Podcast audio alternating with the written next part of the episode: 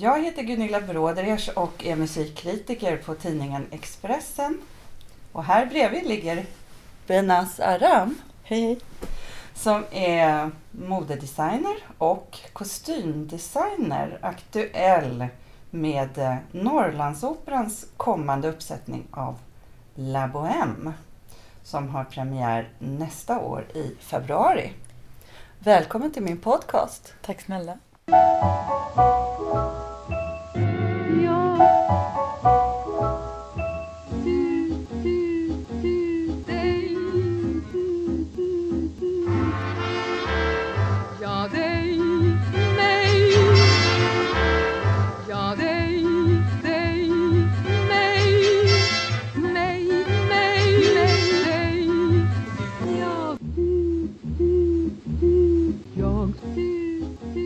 Ligga med Brodrej.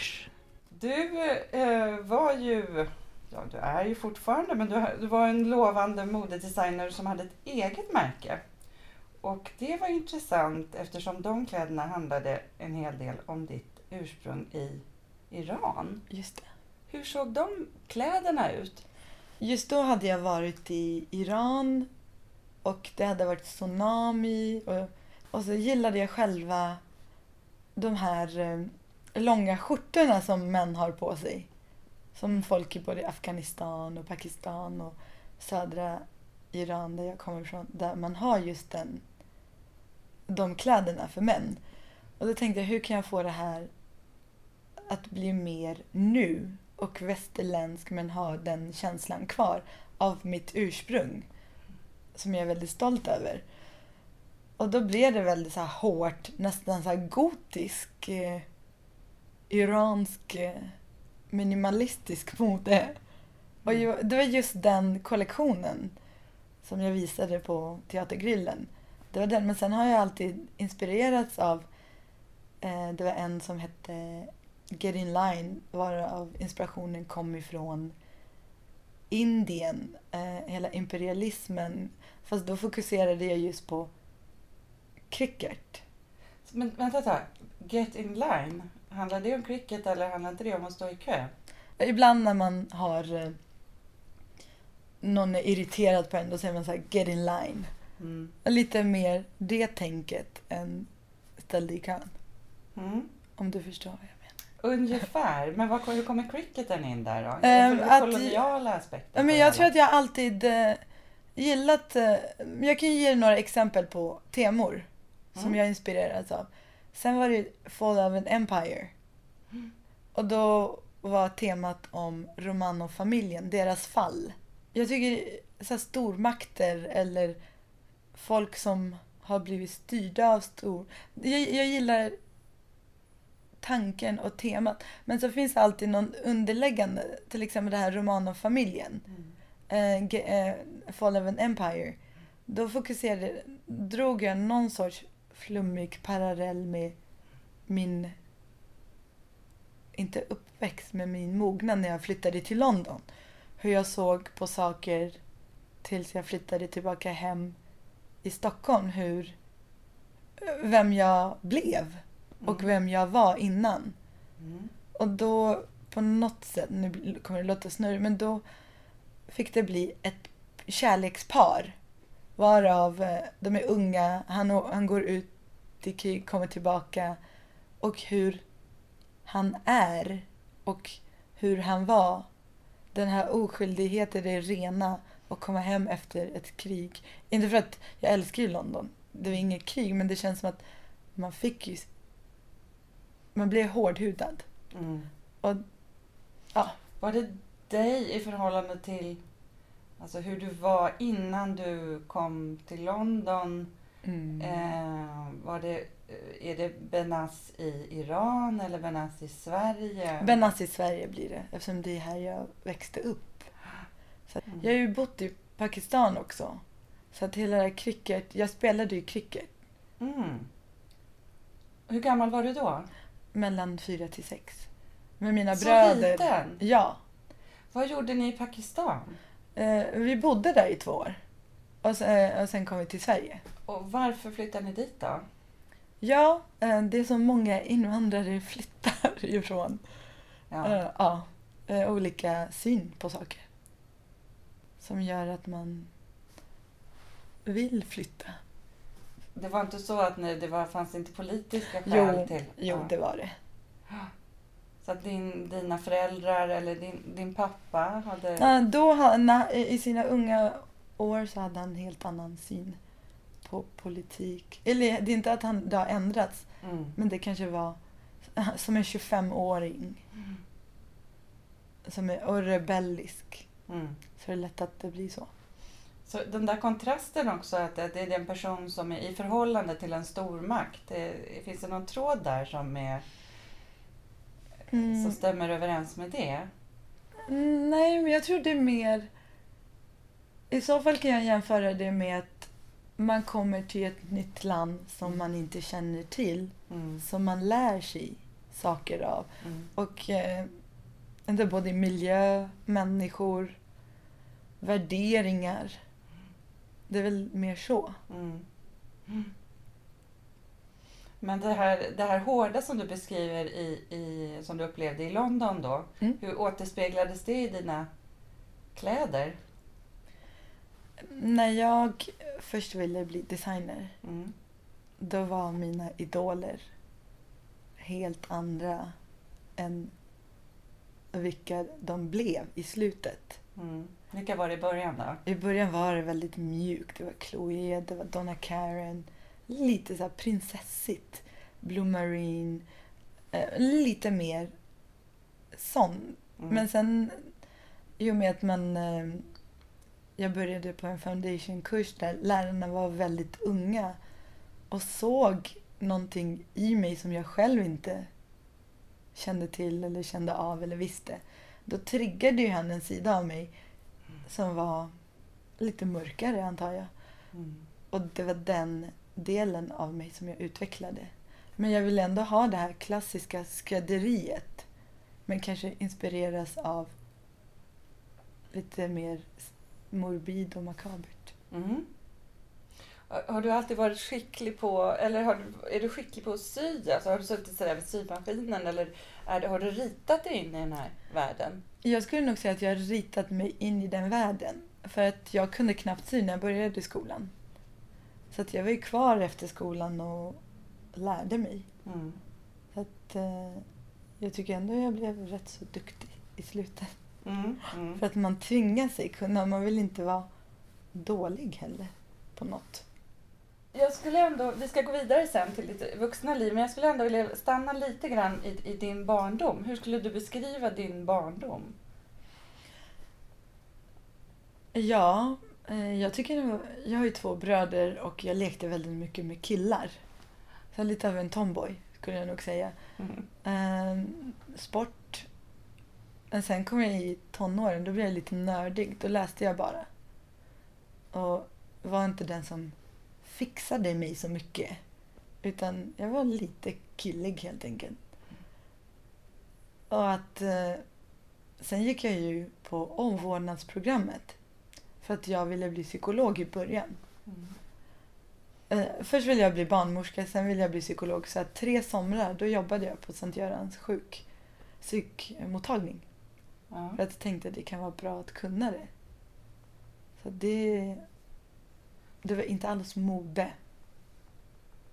Men från det här killiga då till att bli plötsligt då vilja bli en, en sjuksyster eller ja, hålla på med klassiskt eh, kvinnoyrket så att Mm. säga.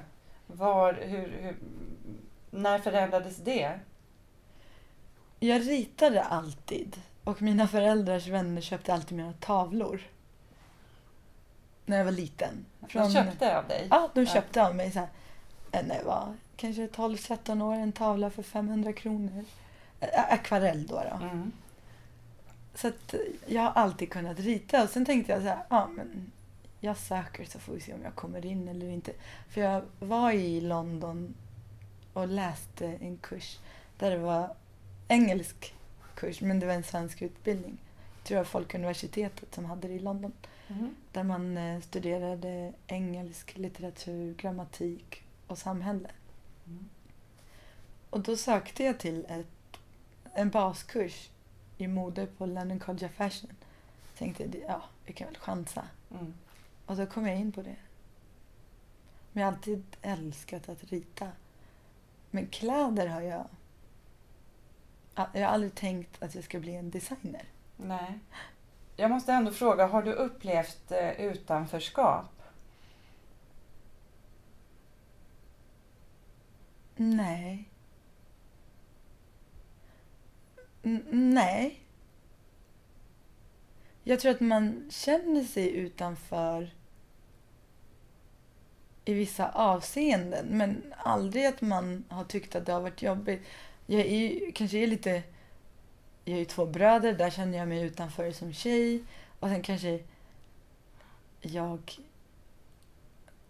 är snurrig och bara ibland det kan få en att känna sig utanför. Men rent generellt, om det har påverkat någon utanförskap som har påverkat mig?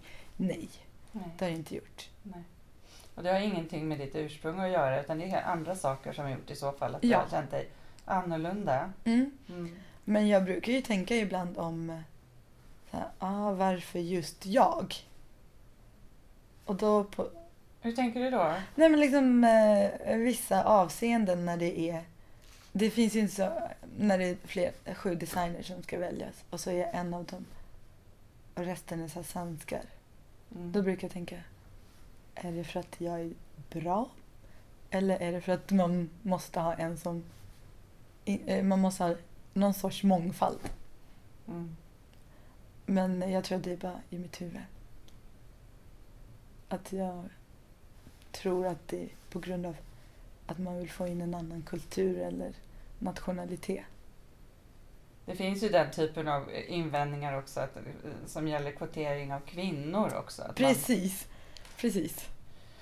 Det, det far alltså någon gång kanske far genom ens huvud att okej nu kanske jag har valt mig för att jag är kvinna. Ja. ja.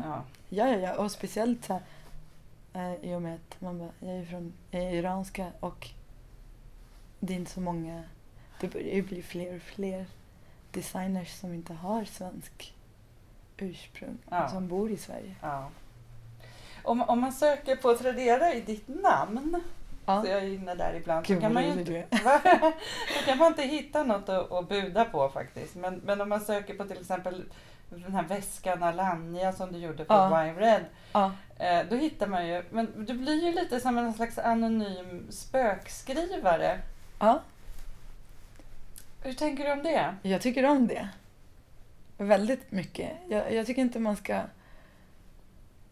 Jag tycker det är omodernt att vara en skrikig designer som ska synas. Är det bara du i hela världen som tänker så? Eller det finns, tror Nej, jag tänker på Margiela som aldrig syntes på bild. Det var bara namnet. Så det är ingen uppoffring att eh, ställa sitt ego åt sidan? Nej, absolut inte. För jag tror att det är inte det är vad du får ut. Snarare än att du ska synas. För det är ju inte det det handlar om. Ditt ego. Tycker jag i alla fall. För det är ett hantverk det jag gör. Och då är det hantverket som får tala, inte jag. Men ditt hantverk talade ju i, eh, så att säga, lite mer högt i din egen kollektion ändå. Det var Mm. ju ännu mera du. Eller? Jo, men jag tror det är det. Det är också en skillnad att om jag, om det kommer från hjärtat, då är det oftast, då kommer en, min person fram mer. Men det är inte så att jag försöker göra så här, det Benna ska ut, utan det är min känsla som ska ut. Om du förstår vad jag menar. Nu låter det kanske lite flummigt här. Men jag tror att om man har en bra historia eller en koncept, då talar den mycket för en än att jag ska synas på en bild. Mm. Jag tror det blir som en, att man skapar en saga. Och jag tror att det var lite det jag gjorde när jag gjorde mitt eget. Att man hela tiden, man var lite av en historieberättare. Mm. Mm. Men det märket, eh, det har du sagt någonstans, det märket sover just nu. Ja, Men du kanske väcker det någon, någon gång? ja någon gång. Ja. Eh, Om man följer dig på Instagram, Mm. då får man se rätt så många flygplatser. Ett, eh, man kan se en fin bild på ett långt ödsligt rullband eller en flygplansvinge. Men också mycket härligt uteliv och fina cocktails och sådär. um, har, har, har resandet blivit en, en livsstil? Både ja och nej, för det är ändå yrket. Men sen är jag... Jag älskar ju mat. Jag älskar njuta. Jag tycker är det något man ska slösa sina pengar på så är det mat. Så du står inte mycket själv vid eh, spisen? Eller är det så Just nu har mat? inte jag haft tid. Men jag älskar ju att laga mat. Mm. Men, och nu har jag en pojkvän som älskar att laga mat. Så att jag blir servad. Men, eh, du är ju, men du är ju smal som en, ja, som en sticka är det faktiskt. Det är 17, vart tar maten vägen undrar jag? Eh, det är bra ämnesomsättning. Ja. Hela familjen. ja, mycket brunt fett eller vad det Ja. heter som bränner. Ja. Precis. Det är bara att gratulera, vad härligt. Eh, Men, men det här med resandet, kan du känna dig så här rastlös när du har varit hemma för Ja. länge? Extremt. Eh, Men samtidigt så blir jag väldigt lugn. Och jag har, märkt, jag har märkt att jag brukar stänga in mig själv och låsa in mig någonstans och inte svara när någon ringer, inte smsa tillbaka. Um, isolera mig. Det brukar jag göra efter resorna för att det är så vanligt att när man reser så träffar man folk 24 timmar nästan. Mm. Och när man kommer hem då vill man ha det lite som sin lilla grotta. Varför är de här resorna viktiga? Kan man förklara det för, för eh, alla oss som, som inte har ditt jobb? Liksom? För att det, det bygger ju på väldigt mycket. Men det är, många resor är ju privata också, men det är ju både och. Men det är för att kunna veta vad man håller på med. Eh, se en utveckling av det man skapar. Det är vad de här resorna går ut på. Och eh, när det är privat så är det så här, nu måste jag bort. Jag måste vara där jag inte har varit eller träffa vänner i London eller i Paris. Att den kombinationen Mm. jag vet inte om det, här, det var en bra förklaring. Du. Ja, men hur ser du utvecklingen av vad det du har gjort utomlands menar du? Nej men det är, det är om det skulle vara en jobbresa. Då Mm. är det för att man ska åka till en fabrik eller kontor. Mm. Lite Mm. så. Mm. Mm. För att se lite av sina produkter eller varor. Mm. Men det här att, är, är är det kopplat till någon slags rotlöshet det här att du vill ut och resa eller är det för att du har dina bästa vänner någon, annans plats i, någon annanstans i världen? Jag tror att jag har upptäckt det här senaste åren att jag är rätt så rotlös. Med tanke på att jag har bott, jag är född i Iran, jag har bott i Pakistan, jag växte upp i Sverige, jag pluggade i London. Mm. För mig spelar det ingen roll var jag är. Bara jag är ett bas någonstans och just nu är det Stockholm. Antingen kan man se, att, se det som att man är rotlös eller också så är man väldigt trygg som människa som kan känna sig hemma överallt. Och det gör jag, för jag vet att oftast när jag är i någon storstad så kan jag tänka mig då kan jag tänka mig bo där. Det är inga problem. Och det är ju så både med min storebror också. Han reser ju ännu mer än vad jag gör. Mm, vad gör han då? Han jobbar med Läkare utan gränser. Så han kom ju hem förra veckan från Nigeria. Mm. Och innan har han varit i Pakistan, han har varit i Eritrea, Sudan. Ja. Så att, eh, jag tror att det har blivit lite så Mm. för oss. It runs in the family. Yes.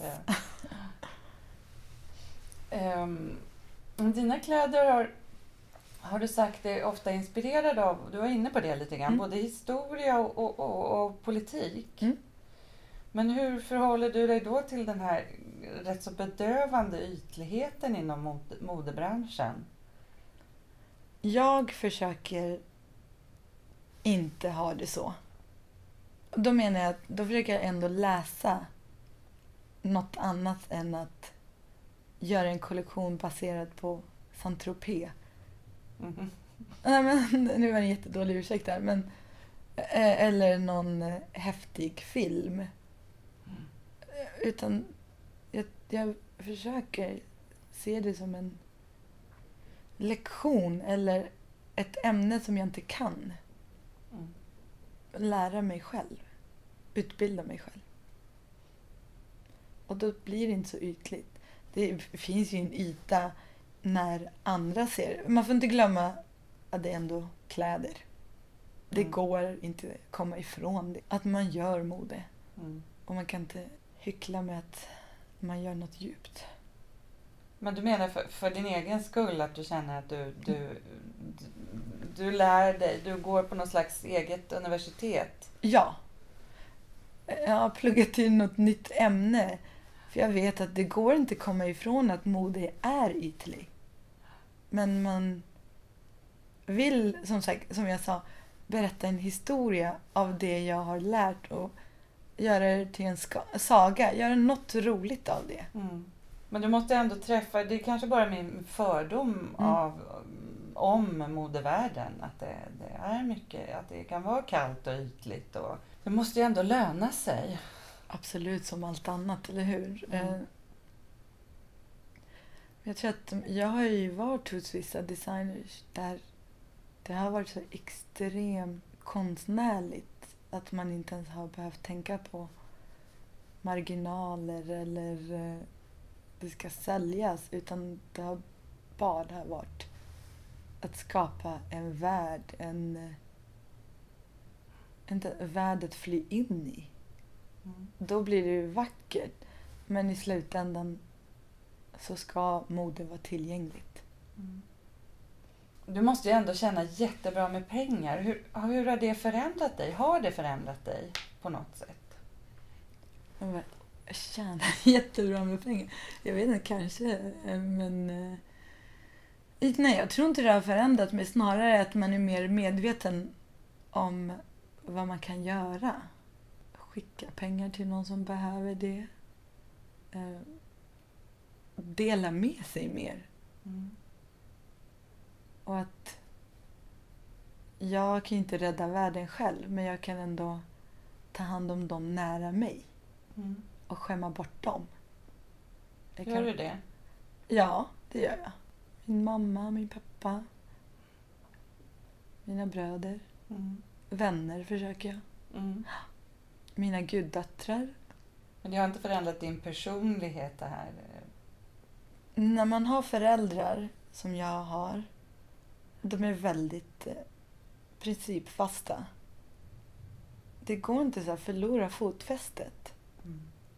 Och jag, eftersom jag tänker bara på min bakgrund och ursprung. Vi hade det väldigt bra i Iran, men bara så här, när man ser vissa personer som man inte gillar som kan resa när de vill och shoppa det. Man vill inte vara den. Mm. Så att man är väldigt medveten Mm. om att inte bli ett svin eller något. För något år sedan så träffades vi i foajén till en tv-studio och då pratade vi lite grann om, att, om scenkläder.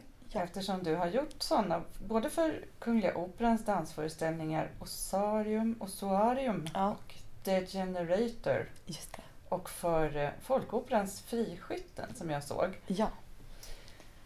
Och jag tyckte att eh, jag kan ibland känna att det är eh, att kläder på scenen kan bli påträngande och överrösta då Mm. opera som jag ser mycket. Just det. Ja.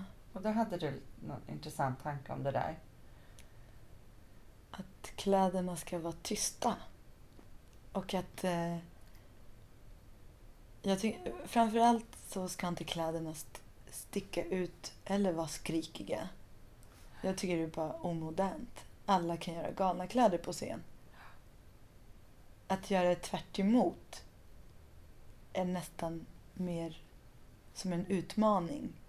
Och att jag tror att ögonen kan vila mer och att man kan fokusera på hela föreställningen än att ha en jättestor klänning i guld med paljetter. Det blir... Man tappar...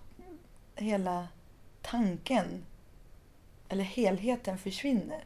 För då ska en... Man ska höra sången, kläderna skriker, scenografin är mycket. Då tycker jag det är bättre att sångaren hörs och scenografin syns. Och att kläderna är bara en liten krydda. Men de, de som du gjorde till Friskytten, Mm. som är, det ska man säga, det är någon slags eh, det är en tysk nationalopera med mycket skräckromantik och, och sensmoralen där är att man inte ska göra upp avtal med djävulen. Nej, Lite. Faust över det. Ja. Ja, just det. Ehm, och handlingen utspelade sig i en sorts eh, civilisation som har havererat. Just det. Och det, här, ja, det, var, det var människor som var väldigt så här, krigströtta. Och, ja, det var en väldigt mörk värld. Mm. Och, men dina kostymer, det var ju verkligen alltså det var ju väldigt vackra klänningar. Det var inte alls så, så en, det var inte enkelt Nej. så. Det var Nej. inte minimalistiskt. Nej, det är det inte. Men jag tror att det blir inte mycket färg utan jag jobbar i grupper. Eh, Alla körsångare har en viss outfit. Manliga och kvinnliga, men det är samma färgton. Och sen kommer kanske olika skyttar, de har en egen... Att det är bara en liten... Det är mycket tyg, det är mycket silhuett. Men det är inte distraherande. För det är en struktur i lite så här organized confusion, Mm. om man ska säga så. Mm. Att man går in i en saga. Mm. Man vet inte varken tid eller rum. Och det är det jag tycker om när jag är på opera eller ballett. Det är som att, att, att allt utanför försvinner och att man är en liten så här glaskula. Och det är lite den känslan jag tycker om när man gör kostymer också. Att man är bara där. Mm. Men nu ska du göra kostymerna till Norrlandsoperans uppsättning av Puccinis La Bohème. Och Just den utspelar sig i Paris konstnärskretsar på Sent 1800-tal. Ja. Där är det verkliga fattiglappar som Ja, klär på. precis. Men, och en sak som jag inte tycker om att jobba är patinering. Mm. Jag vägrar patinera saker. För jag tycker det ser så dammigt ut och det blir för mycket teater. Även om det är teater. Mm. Så tycker jag om den känslan att kläderna är skräddade, hårda, blanka. Men kanske göra enkla design. Och så tycker jag det är väldigt viktigt att själva skådespelarna eller solisterna känner sig vackra, ståtliga och eleganta i kostym. Då får de mer pondus också. Men de ska ju ändå uttrycka, de har ju ett, det är ett armod verkligen. De, Mm. de fryser och, och blir sjuka och de har det jättejobbigt där på den här, i den här vindsvåningen. Just det. Men jag tror att det som är viktigt i just våran La Bohème så har vi bara tagit bort allt. Den är inte... Det är ingen vanlig bohem. Mm. Det här är en... Det är en hård, ren och inte alls tidsenlig La Bohème. Mm. Jag tror att många kommer kommentera saker om den. Men det tycker vi är bara intressant. Det är ju Kristoffer Sten från Refused. Bandet Refused. Ja, just det. Är första gången han Jag regisserar regisserar. opera. Ja, precis. Och eh, Linus Fällbom, vars pappa och mamma var med och startade Folkoperan. Mm. Linus Fällbom gjorde regisserade ju också Friskytten. Precis, och jag, han, han gjorde också Fordringsägare som jag gjorde kostymerna till, till Riksteatern. Och att vi alla tre har samma estetik och vi förstår varandra. Och det blir så himla roligt för då skapar man en ny La Bohème Mm. som jag tror inte många har kunnat föreställa sig. Nej, det låter det ska nästan vara. som en så kallad anomali. För La Bohème är ju verkligen liksom, nästan en sliten Ja, opera full av klichéer. Liksom. Men det är just det vi vill komma ifrån och det är det vi undviker, klichéerna. Du har inte gått, kring, gått omkring i Montmartre och insupit eh, stämningen i de gamla kvarteren och sen... Jo, det, eh, jag är ju där ofta i Paris. Ja, Men jag tycker att man kan få känslan men man behöver inte visa det estetiskt. du måste ju få utlopp för någonting som du... Som, som sover hos dig då så att säga, när Mm. du jobbar på scenen. För där behöver man ju inte tänka på försäljning, trend. Utan här kan man bara gå loss och överdriva silhuetter, material. Det låter, ju, det låter ju väldigt idealiskt att du har det där. Du har det där å ena sidan och så å andra sidan så har du... Eh, så jobbar du då som, som modedesigner och ska på något vis räkna ut vad, vad lite mera vad jag ska vilja ha på mig om, Mm. om ett år eller något sånt där. Jag tror att båda ger energi till varandra. Mm, Och det gör att man kan ha distans ibland. mm. Din relation till operavärlden, när började den? När började du bli intresserad av det? Har du, var det bara att du halkade in på ett bananskal? Eller? Ja. Jag åkte taxi med en herre. Och så sa han så här, ah, är du... För jag heter Aram i efternamn. Så sa han någonting med Aram. Jag bara, jag vet inte vem det är. Han bara, herregud. Så sa han, det är en eh, eh, armenisk. Ah, Aram Chachatorian Precis. kanske? Ja. Jag sa att jag inte visste vem det var. Och då sa han, men herregud, nu ska du få lyssna lite på det. Så lyssnade jag. Då sa han, kan du något om opera? Mm. Jag sa, ja, jag kan göra kläderna Ja. till opera. Men jag har ingen kunskap om opera. Nej, men eh, det kanske är bra. Eh, För då kan du eh, tillföra någonting som inte finns. Men jag kan tänka på publiken ibland. När jag, är, jag är ju jättemycket på opera och eh, tittar ut över publiken och förfasar mig därför att jag eh, känner inte igen samhället, så att säga. Nej. Nej. Men, men jag menar, hela publiken är ju eh, slående vit om man säger så. Just det, ja det är den. Ja, det stämmer. Jag gjorde ju lite, eller gjorde en klänning till Anna Larsson. Mm. När hon skulle uppträda på La Scala, tror jag. Just det, den här långa Valkyrie. alten. Ja, just det. Som sjöng Erda till exempel Ja. på Kungliga Operan. Just det. Och hon tyckte jag var... Fast det finns ju så många nya unga talanger. Men jag tycker hon var så cool. Det var också så här, man, bara, man vill ju mer se det här. Nu kommer ju jag låta som en idiot här, men Pavarotti. Mm. Det är lite så man tänker när man tänker på opera. Och jag har ingen kunskap och för mig blir det så här, gud vad dammigt. Mm. teatrar, de måste fokusera på en så här yngre publik. Och jag tror att La Bohème nu kommer bli lite så. Mm. Mm. För det är ju rätt, det är ju rätt lätt annars att, att man då, att alla de här unga sångarna ändå liksom foll, att de kommer in i den här follan. Det. Det, det är ändå människor som har gjort eh, opera och har bestämda uppfattningar om hur det, hur det ena eller andra ska vara. Och, Just det. Ja. Och, och Kristoffer Mm. som har varit med i det här hardcore-bandet. Ja, Bara det, göra opera. Kristoffer Sten. Ja, precis. Ja. Och att Linus också, han är ju ändå... Han, han är ju växt upp på folkoperan så att han kan ju sin opera säkert. Men att han har också det här avantgarde och en edgy Mm. sida också. Mm. Så att, eh, och jag kan ingen opera. Att man kommer in och jag tror att det, det som är på gott och ont att det blir så respektlöst. Mm. Men då blir det nytt också. Har du lyssnat mycket på eh, La Bohème när du har gjort eh, kostymerna? Ja, lite, men inte jättemycket. Absolut inte. Hur har du då liksom närmat dig den här Mimi till exempel?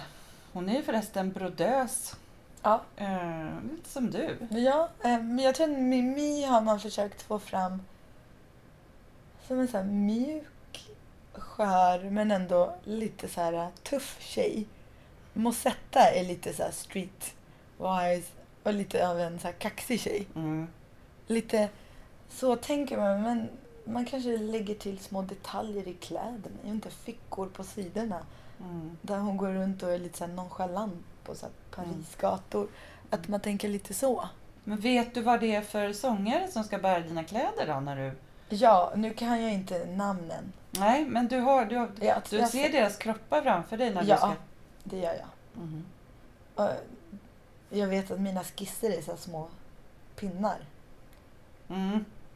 Jag vet ju att... Jag vet ju hur sångarna ser ut och man, man vill ju att de ska vara snygga och då försöker man så bara förvalta det de har och bara göra det ännu starkare Mm. och finare. Mm. Det är väldigt mycket eh, bröst på operascener i allmänhet. Alltså, Ja. mycket dekolletage och... Eh, Ja. Ja, man fun- sitter och funderar. Ibland funderar man lite väl mycket på det kanske. Vad, vad, vad de har för kupa och så vidare. ja, jag tror att eh, det blir inte så mycket dekolletage här. Det blir knäppt. Mm. Nej, det blir inte det. Kanske på en av Mosettas Men Musetta är ju ganska utmanande. Ja, eller hon- minst sagt. Mm, hon får ju en sån plagg. Eller hon får den, men inte resten av teamet. Ingen av dem. Nej. Sen har man kanske lite glädjeflickor med. Ja, Operan. just det. Hur, ska du, hur gör du med dem? Jag är väldigt intresserad av hur, hur de ska framställas. Lite hårda. Inte så lutträckigt. Toulouse-Lautrec. Nej. Inte alls så. Utan- Utan det kanske blir en hård skinnkorsett som inte är sydd utan den är formad. Som en sån här romersk skyddsbyst som romerska soldater hade. Mm. Att det blir mer så. Ehm, Lite hotfullt nästan. lite mer hotfullt. Vad har du själv på dig? Jag har knappt tittat vad du har på dig. Jag går ju alltid i svart. En svart 40-talsklänning. Med ull, yllestrumpbyxor. För det är ju Mm. kallt nu. Mm. Mm. Men svart är din färg. Ja, för det är lat. Svart funkar. Man orkar inte tänka eller kombinera matcha färger. Det är svart det bästa. När man inte vill... Sam... Man vill inte göra en statement, men det blir väldigt mycket statement. Vad ska du göra den närmaste veckan här nu då? Jag kommer vara i Sverige. Eh, bara så här rent privat kommer jag försöka träffa alla mina vänner som inte har hunnit med. Och bara njuta. Tända brasan hemma. Och så Läsa böcker. Vad, vad ska du läsa? Har du något speciellt som du tänker som du håller på att läsa just nu? Jag fick 50 shades of Grey som jag avskydde. Den var vidrig. Mm. Ehm, så den kommer jag inte läsa ut kan jag säga. Ehm, men annars är det lite um, psykologiböcker. Mm. Eftersom min pojkvän har precis börjat plugga till psykolog. Jaha, så han tar upp den där tråden som du eh, började nysta i för Ja. länge sedan? precis. Och det är väldigt intressant att höra honom. Man lär sig väldigt mycket. Mm. Under tiden kommer du fortsätta med dina 50 shades of black då? Ja, eller? precis. precis. Och sen jobbar du hårt med någonting som du inte vill att vi ska prata om ännu. Nej, men mitt vanliga 9 till 5 jobb som ja, alla har. Mm. Mm. Tack Benna Saram Tack själv. för att du ville vara med i min podcast. Det här var väldigt roligt. Lycka till. Tack snälla. Ja,